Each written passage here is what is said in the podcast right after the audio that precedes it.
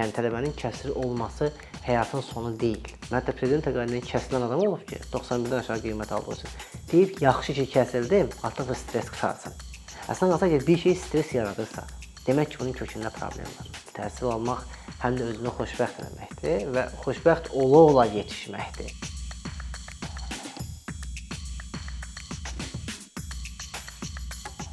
Xətam müəllim salam, xoş gördük sizə ikincidə.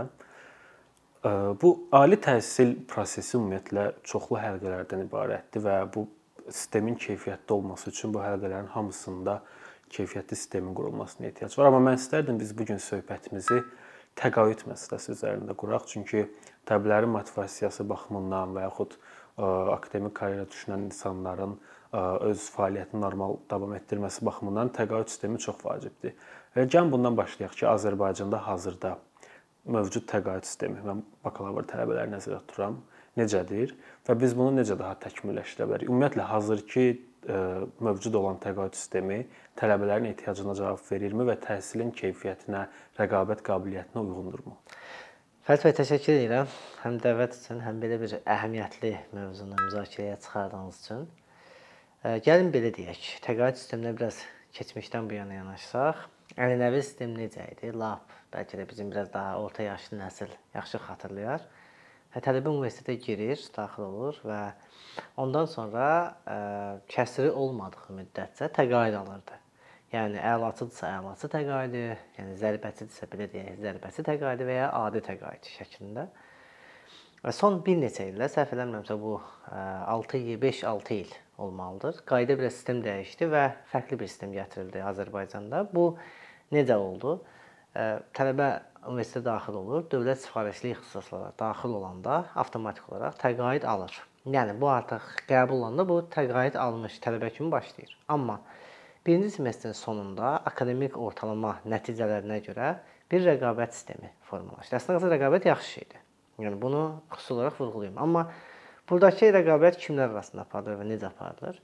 Bilirsiniz ki, universitetlərdə həm ödənişli əsaslarda təhsil alanlar var, həm də dövlət sifarişi əsasında. Və burada artıq bu dövlət sifarişi əsasında universitetə qəbul olan və bu ixtisasa qəbul olub oxuyan tələbə artıq digər ödənişli əsaslarla oxuyan təhsil alan tələbələrlə birlikdə rəqabət aparmalı olur. Rəqabət yaxşı şey dediyim kimi, amma bu proses Azərbaycanda özlüyündə fərqli belə neqativ hallarla, yəni mənfi təsirlərlə belə müşahidə olunur. Gəlin necə olması olmalıdır effektiv təqaüd sistemi və necədir müqayisə edib maksimum belə deyim, yəni faydalı ola biləcək təkliflər səsləndirməyə və ya bunun üzərində düşünməyə çalışaq. Birinci dövlət təqaüd sisteminin məqsədi budur ki, tələbəni, yəni abituriyenti stimullaşdırsın ki, universitetə qəbul olsun. Təqaüd sisteminin biri budur. Bunu edir, edir. Bəli, hazırda e, dövlət sifarişli ixtisaslar uğrunda rəqabətin çoxluğu biraz da bu istiqamətdədir ki, həm ödəniş etməyəcək, həm də təqaüd alacaq. Bu baxımdan problem yoxdur. İkinci, rəqabət yaradırmı? Əslində bəli, həm ə, universitetlərə, ali təhsil universitetlərə qəbul imtahanında bir rəqabət formalaşır, həm də sonrasında universitetlər daxilində bir rəqabət mühiti formalaşdırır. Bəs yaxşı, burada sual çıxır. Rəqabət və bu proses özlüyündə bir güvən, etibarlı bir e, əminlik, rahatlıq yaradır. Rahatlıq və əminlik dediyim təhsillə bağlı deyil əslində, daha çox psixoloji məsələdir. Gəlin məsələyə belə yanaşaq. Mən bir deyək ki, dağ kəndində və yaxud da ki, aşağı ehtiyaclı, sosial ehtiyaclı ailədə böyümüşəm. Öz hesabıma, öz gücümə bir şəkildə universitetə qəbul olmuşam və dövlət sifarişli ixtisasa qəbul olmuşam. Rayon yeri götürək, biraz daha real bir nümunə olsun deyə. Və gəlirəm Bakı şəhərində təhsil almağa. Xəstləri biz bilirik. Və mən ailəmlə söhbət edəndə belə planlaşdırırıq ki, bir şəkildə təqaüd məbləği budur. Deyək ki, ailədən bir qədər dəstək olunacaq və biz bu təhsil müddətini başa vura biləcəyik. Amma gələndə nə baş verir? Bu bayaq dediyimiz rəqabət sisteminin nəticəsində bu tələbədən aslı səbəbdən də ola bilər ki, tələbə oxumur, yaxşı oxumur və yaxud da ki, aslı olmayan səbəbdən də ola bilər ki, imtahan sisteminə görə və yaxud da ki, hansısa başqa kənar faktorların təsirinə görə. Kənar faktor dediyim, məsələn, tələbə xəstələnir, deyək ki, imtahanda yaxşı nəticə göstərə bilmir. Bir imtahan belə. Bu çünki bu rəqabət həddindən çox kəskindir. Mən bilirəm ki, 90-dan yuxarı ortalaması olan şəxslər təqaüdlərin kənarında qalıb. Yəni təqaüd sisteminə düşə bilməyib. Yəni bu qədər kəskin bir rəqabət var idi o prosesdə. Son dövrlərin nəticəsini bilmirəm. Yəni demək istədim burada kifayət qədər. Əslində mürəkkəb bir məsələ var və gəlir mən təqaüd almıram, təqaüddən kəsilirəm. O zaman nə baş verir? Yəni bir abituriyent, o tələbə o zaman nə etməlidir? Məcbur işləməlidir. İşləyəndə nə olacaq? Məcbur təhsildən uzaq düşəcək. Axı biz bu gəncin bir təhsilli, keyfiyyətli kadr kimi yetişməsi arzusundayıq. O zaman hazırki təqaüd sistemi bunu necə yəni yetişdirir, necə təsir göstərdi? Məncə bu bunun üzərində düşünmək lazımdır və mən düşünürəm ki, hazırki sistem bu yəni yanaşmaya, bu nəticəyə mənfi təsir göstərir. Yəni biz əslində burada bir güvən, yəni problemi yaradırıq. Yəni bizim tələbələr əgər təqaüddən kəsilirsə, biz hətta keyfiyyətli, potensial kadrları, gələcəyin bəlkə də alimlərini, mühəndislərini, nə bilim, yəni çox yaxşı mütəxəssislərini itiririk ortada. Bunun hələ psixoloji zərbə tərəflərini demirəm. Gərginlik, stresini demirəm. Stressdən söz düşmüşkən, bir də hazırki rəqabət sistemi mənim müşahidəm budur ki, ali təhsil sistemində dəhşətli bir dərəcədə öyrənməyə sövq edən deyil, əzbərçiliyə sövq edən bir tendensiya yaradıb. Təhsil sisteminin mahiyyəti nədir? Təhsil sisteminin əsas məqsədi sadəcə məzun vermək yox, keyfiyyətli insan kapitalı yetişdirməkdir. Keyfiyyət anlayışının özündə bir texniki bacarıqlar var, bir yumşaq bacarıqlar var, bir ümumiyyətlə insanın şəxsiyyət olaraq yetişməsi var.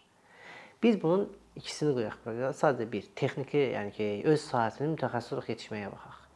Hazırki təqaüd sistemi çərçivəsində, hazırki təhsil sistemi tələbəni öz sahəsində ixtisaslaşmaqdan daha çox kitabda yazılanı mümkün dərəcədə olduğu kimi əzbərləyib, baxın, öyrənib demirəm.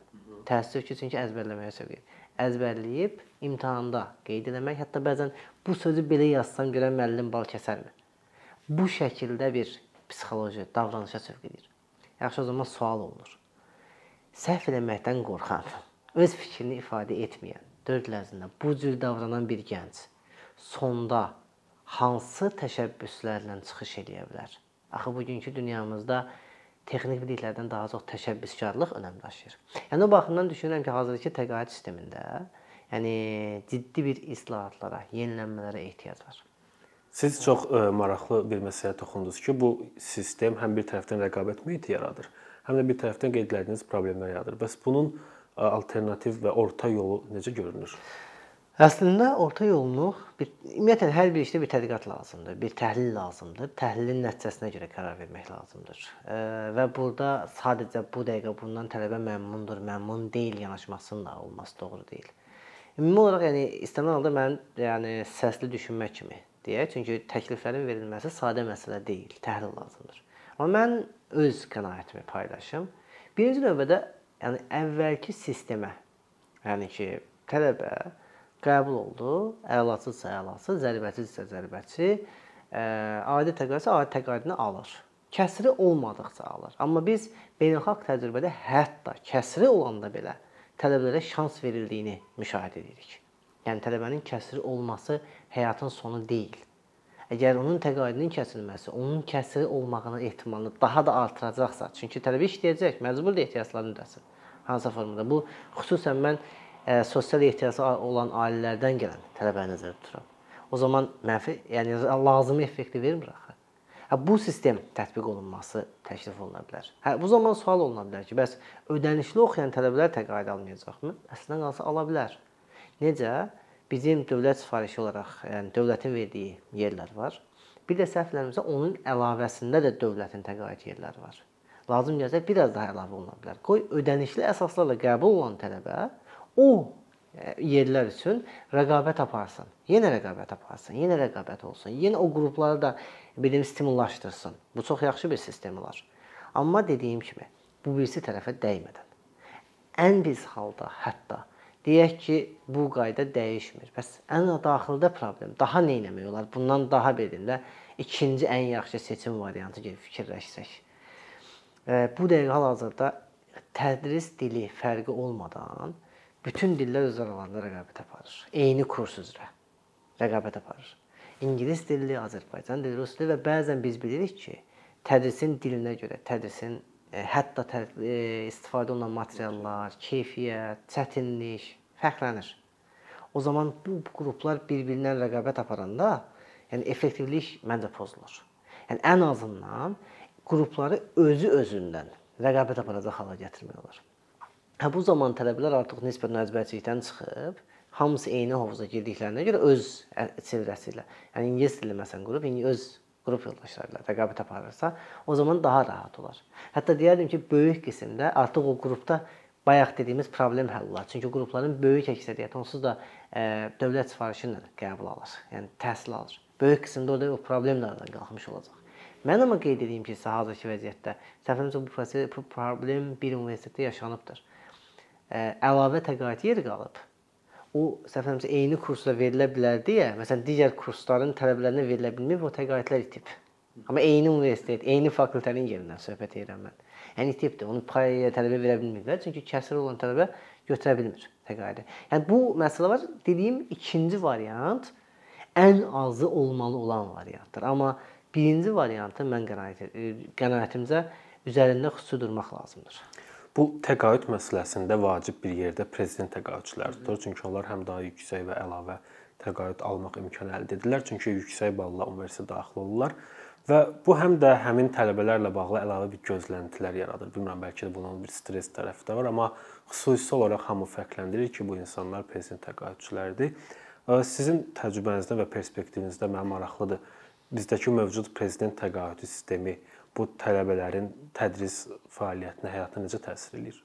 Çox yaxşı bir sualdır, çox yaxşı bir nüansdır. Ümumiyyətlə belə deyim, hazırki təqaüd sistemi, eyni şəkildə prezident təqaüdü və onun uğrunda belə, onun qorunması uğrunda gedən həyat mübarizəsi istənilən halda düşünmürəm ki, inkişaf gətirir. O tam tərsi stres yaradır və inkişafın qarşısında duran amildir. Mən qənaətim budur. Çünki o dediyim kimi prioritetləşdirir qiyməti, ortalamanı. Çünki sistem bunu tələb edir. Prezident təqaüdünün yəni davam etməsi üçün şərtdir ki, tələbənin bütün fənlərdən qiyməti A olmalıdır. Yəni 91 və daha çox. Bu isə əslində qalsa beynəlxalq təcrübədə kifayət qədər çətin bir göstəricidir. Yəni A olması şərti. Digər fənlər, digər təqaüd sistemində də oxşar bir şey e, nəzərdə tutsaq, bu nə baş verir? Bu əlavə, istənilən əlavə stres yaradır. Biz məsələn gecə yatmayan tələbələr görürük ki, axı deyirik ki, təhsilin məqsədi bu deyil. Təhsil almaq həm də özünü xoşbəxt etməkdir və xoşbəxt ola-ola yetişməkdir, təhsil almaqdır. Biz şəxsləri yetişdiririk, biz travma almış gənclər həyata yetişdirməklə nə qazana bilərik ki? Gələk prezident təqaüdü məsələsinə. Bu az saylı olur bilirsiniz. Hər il müəyyən sayda tələbəyə bu verilir, yüksək bal toplayan. Əslində qalsa bəlkə də bunun həlli çox sadədir. Bu təqaüd nəyə görə verilir?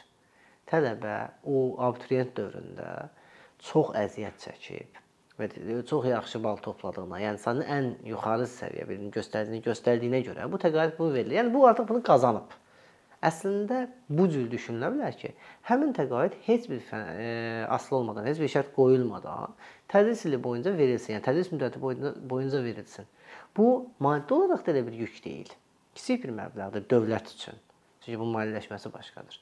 Həm də ki bir konkret birində daha bayaq dediyim o güvən məsələsini aktuallaşdırır. Artıq o təhsil alan, qəbul olan tələbə, prezident təqaüdü alan tələbə bilər ki, bu təqaüd itməyəcək, bu məbləği var və həyatda risk eləyə bilər. Qiymət aşağıdır olsun da nə olacaq ki? Hər fənni bizim hələ təhsil sistemində fənn çoxluğunun və genişliyinin həddindən çox böyük olduğunu nəzərə alsaq, biz bəzən zarafat edə bilərik ki, hər şey şünas yetişdiririk. Həqiqətən o qədər əhatəlidir. Yəni bizdə deyək ki, gömrük də keçilir, iqtisadiyyat da bir iqtisadiyyat əlbəttə, mühasibat da keçilir, maliyyə də keçilir və s. və ilə axır. Yəni bunların hamısından mütəxəssis olmaq, hamısından 91-dən yuxarı qiymət almaq bu biraz çətin bir məsələdir axı. Ha bu zaman e, həm də ki vacibdir, axı lazım deyil bu. Ha bunun üçün lazım deyil. Məsələn bir tələbə əgər gömrük məsələn deyirəm. Bunun marağı o istiqaməti deyil. Bunun marağı başqadır. Bu olsun A olmasın, olsun e, C. C. Məsələn 60-70 ortalama ilə keçsin, qutarsın. Yəni biz bunu niyə məcbur edirik ki, sən bu fəndən A almalısan? Bəlkə o A alması üçün olan müddətdə daha faydalı, öz karyerası üçün, öz gələcəyi üçün daha faydalı iş görə bilər. Mən sizə real vəziyyət deyim. Hətta prezident təqaüdündən kəsilən adam olub ki, 91-dən aşağı qiymət aldığı üçün. Deyib, yaxşı ki, kəsildim, artıq bu stres qısarsın. Mən həyatıma normal davam edeyim. Əslində qalsa bir şey stres yaradırsa, Demək ki, bunun kökündə problem var. O baxımdan düşünürəm ki, prezident təqaüdü sistemində də, yanaşmasında da bir dəyişikliyə ehtiyac var. Necə dəyiş dəyişiklik etsək, edilsə yaxşı olar? Birinci növbədə dediyim bayaqçı məsələ. Qəbul olub axıra qədər alsın. Yəni burada heç bir dəyişiklik olmadan. Ha bu olmadısa, ikinci variant ola bilər ki, ə, kəsri olmadığı halda və ya bu verilsin. Bununla da razılaşılmırsa, mən nisbətən arzu etmədiyim istiqamətlərə doğru deyirəm bu şeyləri. Bu da olmadısa, məsələn, bəlli bir ortalama həddir. Hər fənn üzrə yox, ümumi semestr ortalaması. Məsələn, deyək 80 üzəri, 85 üzəri. Dövlət proqramında 80 ə, ortalama qoyulub. Burada da qoyula bilər. Dövlət xarici dövlət proqramı üçün 80 ortalama qoyulub. Burada da ola bilər ki, məsələn, 80-dən yuxarı olması prezident təqaüdü üçün tələb olsun. Ola bilərmi? Niyə də yox ki? Və bu dediyim kimi hansısa fəndən hətta kəsiri olsa belə, bu ortalamanın üstündədirsə, keçirə bilər. Və yaxud ki, deyək kəsiri yoxdur. Neçə fəndə qiymət alıb önəmli deyil hansısa fənn. Ümumi ortalaması bunun üzərindədirsə, yenə yəni o təqaüdü almağa davam edə bilər. Çünki burada axı rəqabət yoxdur. Yəni normalda bayaqkında yenə bir məntiq var idi ki, deyək ki, mən tələbəyəm, mən bu oxumayanda, təqaüdü itirəndə mənim yerimə başqası alacaq bunu. Burada bir məntiq var, rəqabət var. Amma burada axı prezident təqaüdü məsələsində bir rəqabət yoxdur. Mən bunu itirirəmsə başqası da qazanır. Hə, başqası qazanmasa kim qazanır? Dövlət. Dövlətin buna ehtiyacı varmı? Tam tərsi dövlət təhsilə əlavə pul ayıran, təhsili stimullaşdıran bir qurum olmalıdır. Yəni çünki bu gələcəkdir. O baxımdan burada bir təqaüdün kəsilməsində bir məntiqi uyğunsuzluqlar var. Əslində siz müəyyən qədər toxundunuz. Mən də elə məsələyə gəlmək istədim. Azərbaycanda ölkədə təhsil alan tələbələrlə yanaşı, həm də xaricdə təhsil alan Azərbaycanlı tələbələrin maliyyələşdirilməsinə bağlı proqramlar var və bu ildən artıq növbəti yeni bu qəbul olunan xarici təhsil dövlət proqramının ilk qəbulları başlamışdı. Oradakı ə, təqaüd sistemi də çox vacibdir, çünki onlar həmin şəxslər Azərbaycanda yox, ölkə xaricində təhsil alırlar və təbii ki, yaşam xərcləri daha yüksək ola bilər. Bu xarici təhsil dövlət proqramı çərçivəsində bu tətbiq olunan təqaüd sistemi ilə bağlı düşünürsüz? Çox yaxşı bir nüansa toxundunuz. Çünki əslində qalsaq xarici təhsil e, xaric, yəni maliyyələşdirilməsi olsun, xarici təhsilin, daxili təqaüd sistemi olsun, bunun hamısının sonunda bir hədəfi var dövlətin, ölkənin insan kapitalını inkişaf etdirmək. Əsas hədəf budur. O baxımdan xarici təhsilin də hədəfi, o proqramın da hədəfi bu olmalıdır ki, necə eləyək ki, həm bizim gəncləri stimullaşdıraq, həm də ki, daha yaxşı yerlərə getməyinə sövq edək, daha inamlı, daha güvənli sövq edək ki, gedəndə bilsinlər ki, bu dövlət arxa, arxalarındadır, nəsə çətinliklər olsa bunların birində dəstək olacaq və s. O əslində proqram olmağı çox yaxşı bir şeydir. Çox yaxşıdır. Arzu olunandır. Əvvəl 2007-2015-ci illərdə olmuşdur və düşünürəm ki, o dövrdə Azərbaycanda kifayət qədər yaxşı mütəxəssislər qazandırdı bu proqram. Amma indiki məsələdə boşluq nədir? Gəlin biz tərifdən daha çox biraz da tənqidi boşluq hissəsindən danışaq ki, zənn edirəm ki, yəni bir e, daha yaxşı olsun. Çünki tərif eləməyin bir faydası yoxdur ümumi götürəndə. Mən bir təriqatçı, tənqidçi, yəni yanaşmalı olduğum üçün bunu deyirəm. Oradakı boşluq nədir? Gəlin məsələyə belə baxaq. Təqaüd, yəni dövlət proqramına qəbul nə vaxt açılır? Sənədlərin qəbulu təxminən apreldə səhvləmirəmsə keçən il açılmışdı. Bu il biraz erkən açılacaq deyilib. Olsun lap mart olsun, aprel olsun, yəni bu şəkildə. Sənədlər verildi. Yəni tələbə deyək ki, oradakı siyahı məhduddur. Amma məhdud siyahının məhdud olmasına bir şey demirəm. Bu dövlətin prioritetləşmə üzrə yəni, siyasətinin nəticəsi ola bilər. Burada bir problem yoxdur. Dövlət deyirsə ki, bu universitetlər və bu ixtisaslar problem yoxdur. Müzakirə oluna bilər, amma başqa yerin müzakirəsidir. Mən o tərəfinə girmirəm. Mənim gediyim prosedur tərəfdir. Mən bəhs etmək istədiyim. Müraciət açıldı. Tələbə qəbulunu alıb və sənədini verdi. Nə qədər davam eləyir? İntervyu, müsahibə mərhələsi, sonra qərarın çıxması. Səhv eləmirəmsə qərarın çıxması açılır may, iyun ayına qədər təxmini gəlir çıxır. Hətta bəzən biraz zona da bilər. Gəlin görək bu paraleldə nə baş verir kənar tərəfdə. Hə, bir də bir e, gənc, bir tələbə oradan qəbul, yəni məsələn deyək Harvarddan qəbul alıb. Harvardın o proqramı bunun siyasi universitetin, yəni dövlət proqramının siyasətində var. Sənəd verir. Hələ də heç kim qarantiya verməz ki, verə bilməz ki, bu gəncin təhsili maliyyələşdiriləcək. Çünki müsahibə mərhələsi var arada və sonradan qərar çıxacaq. Yəni burada bir bayaq dediyimiz o güvən məsələsində boşluq var. Yəni tələbə əmin deyil ki, bunun burdan qəbul alıb, bax gözləsin, maliyyələşdirəcək. Hə buna paralel nə baş verir? Biz iqtisadiyyata əslində bir oyun nəzəriyyəsinə gəlir çıxır məsələ. Deyək ki, həmin tələbə başqa, daha az prestijli, amma dəqiq bir yerdən qəbul alıb. Daha zəif bir universitetdir. Bir mənalı şəkildə deyək ki, təqaüdü də azdır. Amma tələbə bu qəbulu alıb, əlindədir. Və yaxud da ki, biz bilirik ki, məsələn Amerika və digər yerlərdə 5 illik proqramlar, paket proqramlar var, assistantship olan. Tələbə bunları qəbul. Bunların hamısının nəticələri əksər halda martda bitir. Yəni qəbulu verdi, 2 həftə vaxt verir ki, ay tələbə, qərarını ver. Gəlirsən, gəlmirsən. Yəni tələbənin cəmi 2 həftə, maksimum 3 həftə vaxtı var. Deyək ki, aprelə qədər. Apreldə isə dövlət proqramından sənəd qəbulu başlayır. Tələbə iki seçim qarşısındadır. Birinci seçim ya bu tərəfə imtahan verəcək, dövlət proqramına güvənəcək, amma sonda nəticə bəlli deyil. İkinci dövlət proqramına getməyəcək, halbuki deyək ki, əlində çox yaxşı bir ixtisasın qəbulu var. Gedəcək daha zəif bir yerə. Bəs yaxşı, burada birinci variantda əgər tələbə dövlət proqramına müraciət etsə və qəbul olmasa, hansı ki bu hallarda olur, baş verir, yəni keçməməsi. Orada da səbəblər və digər məsələlər müzakirə oluna bilər. Keçməməsi baş verir. O zaman biz bu gənci itiririk. Çox böyük ehtimalla. Çox güclü psixologiyası çox güclü olan tələbələr ola bilər ki, o travmanı atladıb yenidən davam eləsin təhsilinə və s. müraciət eləsin. Burada risk var. Ki digər tərəfdən Məsələn, bu Harvarddır, bu çox yuxarı bir yeri. Yəni Harvardı bir misal olaraq deyirəm mən təbii ki. Çox yaxşı bir yerin qəbulundan imtahan verib daha zəif bir yerə gedəndə biz nə itiririk? Kadr. O çox yaxşı bir mütəxəssis ola bilərdi. Bəlkə də gələcəyin Nobel mükafatçısı ola bilərdi. Amma biz onu itirdik və dedik ki, sıradan daha adi bir universitetə get və orada təhsil davam et. Vaxtı ki bizim sistem olaraq bunu təşviq elədik. Çünki insan da qərar verir. Ən yaxşı necə bunda bunda hansı vəziyyətdə əlində olanı seçir. Yəni real olanı seçir. Bu tamamilə normal bir psixoloji davranışdır. Yəni normaldır. Amma ümumi sistem axı bunu etməməlidir. Yəni sistemin prosesi elə bir qurulmalıdır ki, gənc yəni əmin olsun, ya əmin olsun, ya da hansısa formada yəni bu xətanı eləməsin də. Burada biz fərd olaraq o gənc itirir. Amma ölkə olaraq, dövlət olaraq biz itiririk. Çünki biz insan kapitalı yetişdirmək arzusundayıq. Yəni keyfiyyətli insan kapitalı. Burada bir boşluq var. Ciddi boşluq var. Ha burada necə ola bilər? Bunun üzərinə bir fikir yürütmək istəsək, mən düşünürəm əslində mexanizm o qədər də çətin deyil. Sadə bir mexanizm ola bilər.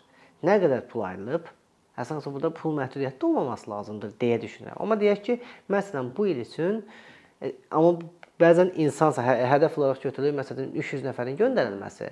300 nəfərin göndərilməsindən daha çox o da lazımdır. Elə bir konkret ölçülərdən hədəfinə qoyulması lazımdır. Amma düşünürəm ki, digər tərəfdə belə olmalıdır normalda bu ixtisaslara bu siyahıda qəbul alan, bu onsuz da ki, çünki çox çətin yerlərdir hamısı. Qəbul alan hər kəs maliyyələşdiriləcək. 1. Bu güvən verər. Belə bir şeyin qoyulması, deyilməsi. Orda lap daha şərtləri daha da ağırlaşdırır. Bu məsələdə deyiləm. Şərt olsun ki, məs IELTS 7 deyiblər, olsun 8. Amma tələbə bilsin ki, bunun əlində 8 IELTS varsa və bu yerdən qəbul alıbsa, məsələ bitib. Nə intervyu, nə başqa bir şey. Bu artıq yəni gedəcək və oxuyacaq. Ha bunu əmin olmalıdır. Vaxtında və lazım miqdarda dəstəyini alacaq. Buna əmin olmalıdır. Şərtlər ağırlaşa bilər, yüngülləşə bilər. Hə, əgər bu mümkün deyilsə, deyilirsə ki, büdcə məhduddur, o zaman daha sadə, daha rahat bir varianta keçilə bilər. Necə? Məsələn, deyək, 100 milyon manat büdcə ayrılıb illik. Şəffaf bir şəkildə məbləğ göstərilir ki, bu gəncə bu bu il bu qədərlik limitimiz var. 100 milyon manat. Və hər gəncə də büdcə ayrılır da. Deyək ki, bir adam qəbul alıb, qəbulunu avtomatik il boyunca da müraciət açıq olur. Məsələn, deyək ki, dekabrda qəbul alıbsa, dekabrda belə o sistem açıq olur. Dek dekabrda qəbul almaq real deyil, yanvar, fevralda başlayır hətta. Fevral, yanvar, fe yanvar, fevral, martda ən çox. Deyək ki, fevralın əvvəli abituriyent, yəni tələbə artıq həmin o prestijli universitetdən, siyahıda olan ixtisasdan qəbulunu alıb. Sistemə yükləyir. Yenə bir review prosesi olsun, rəy prosesi olsun. Uyğunluq olsun ki, bu ixtisasa uyğundurmu yoxsa yox. Yenə olsun. Amma hamını gözləyib yox. Konkret bir həftə ərzində qərar verilir ki, lap görüşülsün yenə də, intervyu olsun. Amma konkret şərt qoyulsun. Müraciət etdiyi müddətdən bir həftə ərzində bunun prosesi bitəcək. Qərarı veriləcək ki, bu tələbə maliyyələşdiriləcək yoxsa yox. Və sonrasında nə olur? Deyək ki, maliyyələşdirdi. Bunun təhsil xərci 1 illik proqramını fərz eləyək 30 mindir. Yazdı 30 min. Artıq o 100 milyonun 30 min çıxdı. Və davam edir. Belə düşə-düşə gedir. Artıq deyək ki, mən martda qəbul alıramsa, dəyərləndirib baxıram ki, orada məsələn cəmi 1 milyon pul qalıb.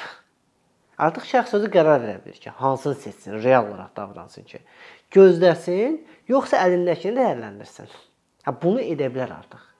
Amma dediyim kimi o əvvəlkilər, əsas o digərləri daha real şəkildə qəbulunu aldı və digər hazırlıqlarına başlamış olsun. Çünki xaricdə təhsil əsnə qalsa, sadəcə təhsil məsələsi deyil, həm də psixoloji bir məsələdir. Bu özünü hazırlamalıdır. Yəni ki, texniki bilik bacarıqlarını inkişaf etdirməlidir. Ən azı dil bilik bacarıqlarını təkrarlamalıdır. Çünki sadəcə sertifikat deyil məsələ. Biraz daha başqa cür işləmək lazım üzərində. Digər planlarını qurmalıdır. Yəni bunun üçün kifayət qədər vaxt lazımdır. Miqrasiya məsələləri var işin içində və fərqli məsələlər var. Yəni burada da bu prosesin bu şəkildə daha qeyri-müəyyənliyin minimum olduğu şəkildə qurulması arzu olunandır. Çox sağ olun ətraflı cavablarınız üçün təşəkkür edirik. Çox sağ olun, minnətdaram dəvət üçün.